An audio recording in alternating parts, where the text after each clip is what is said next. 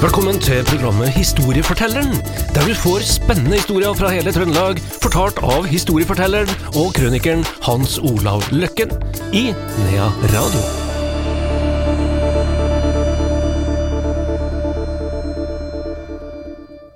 Historiefortelleren her i Nea Radio er på plass igjen. Vi sier velkommen til Hans Olav Løkken. Jo, takk. Vår historieforteller og krøniker skal i dag begi seg ut på litt eh, navneanalyser. Eh, skal vi, drar vi til Trondheim først, Hans Olav? Ja, vi, eh, vi er på vei til Trondheim Ja, vi først. er på vei. Vi er på vei i lag med Karl den 15. Han ble jo da krona. Det er vel sånn fortsatt at du, skal du bli godkjent i verden, så må du til Nidarosdomen og bli krona. Ja. Eller rettere sagt, det heter vel ikke det lenger, det er vel signing nå, da, etter som jeg forstår. Her. Men han eh, Karl den 15. han skulle da nordover.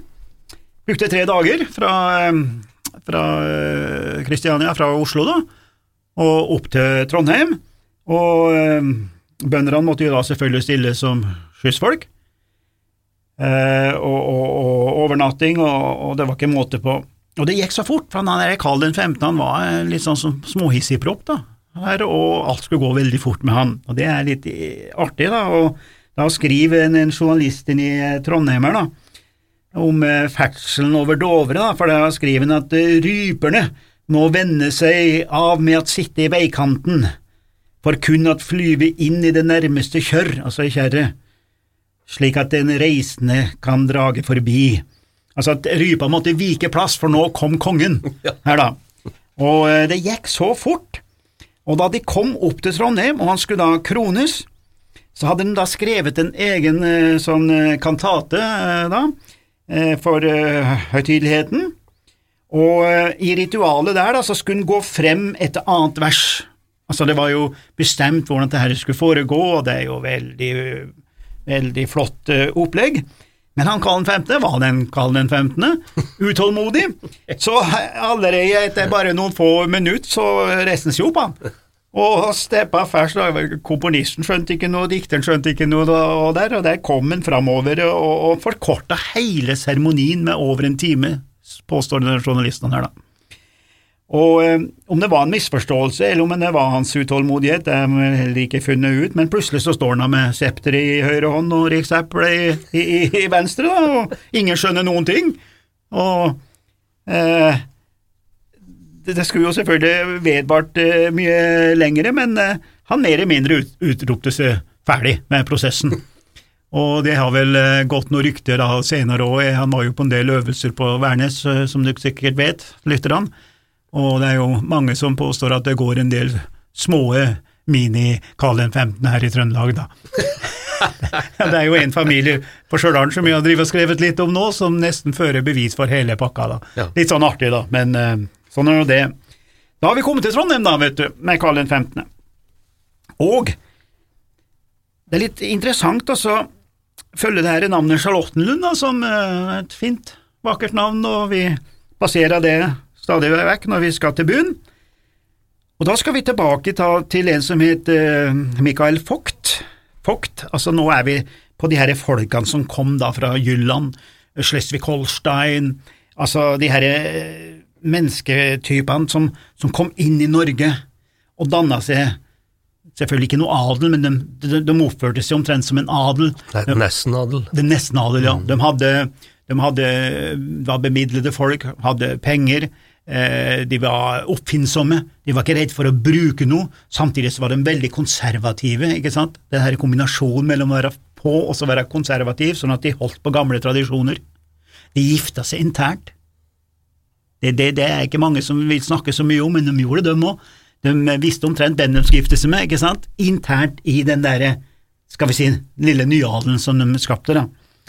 Og eh, det var altså, bare i Trondheim, altså sist på 1700-tallet, så var det 60 stykker, altså. Eh, det høres ikke så mange ut, men var, husk på det var ikke så mange folk som bodde her eller, da. Fra, fra Schleswig-Holstein og, og Flensburg. Så han herre, den herre Vogt-familien, den kommer da inn i Trondheim, og eh, han, eh, han eh, som er hovedpersoner, da, han var da 21 år når mora dør, og hun het Charlotte. Da har vi jo altså kommet inn på Charlotte og Charlottenlund nå, ikke sant, men det er ikke mora i og for seg, men hun het Charlotte. Hun dør bare 50 år gammel. Det her var jo da i den tida hvor det var flåteranet i 1807, altså hvor vi ble blokkert, ikke sant. Engelskmenn blokkerte jo eh, sjøen, slik at vi fikk jo ikke varer. Det er der du har Terje Viken som ror og alt det der, ikke sant, på Sørlandet. Og eh, det var lett, når det var dårlige tider på mange måter, så var det lett for sånne nyskapere som han Vogt, da. Så, så, han bygger opp eh, på en måte eh, tungindustri da, på Bakklandet. Skipsverft. Eh, gjør det veldig godt, og i 1829 så bærer han sin lille datter til dåpen da, i Bakke kirke, og hun ble da selvfølgelig døpt Charlotte, etter sin bestemor, altså mora hans, da. Og hun ble da storsøster, da, for de andre ungene som kom. De gjorde det ganske bra der ute på Bakklandet, men så skjer det jo da at hun Charlotte dør fra dem 22 år gammel. Hun sto altså på kanten for å starte egen familie og bringe slekta videre. Så dør hun 22 år gammel. Samtidig så begynner han herre Vogt å føle at Trondheim er bare støy og rennestein, skriver han. Altså, det blir for mye industri. Han måtte ut på landet. Måtte ut på landet.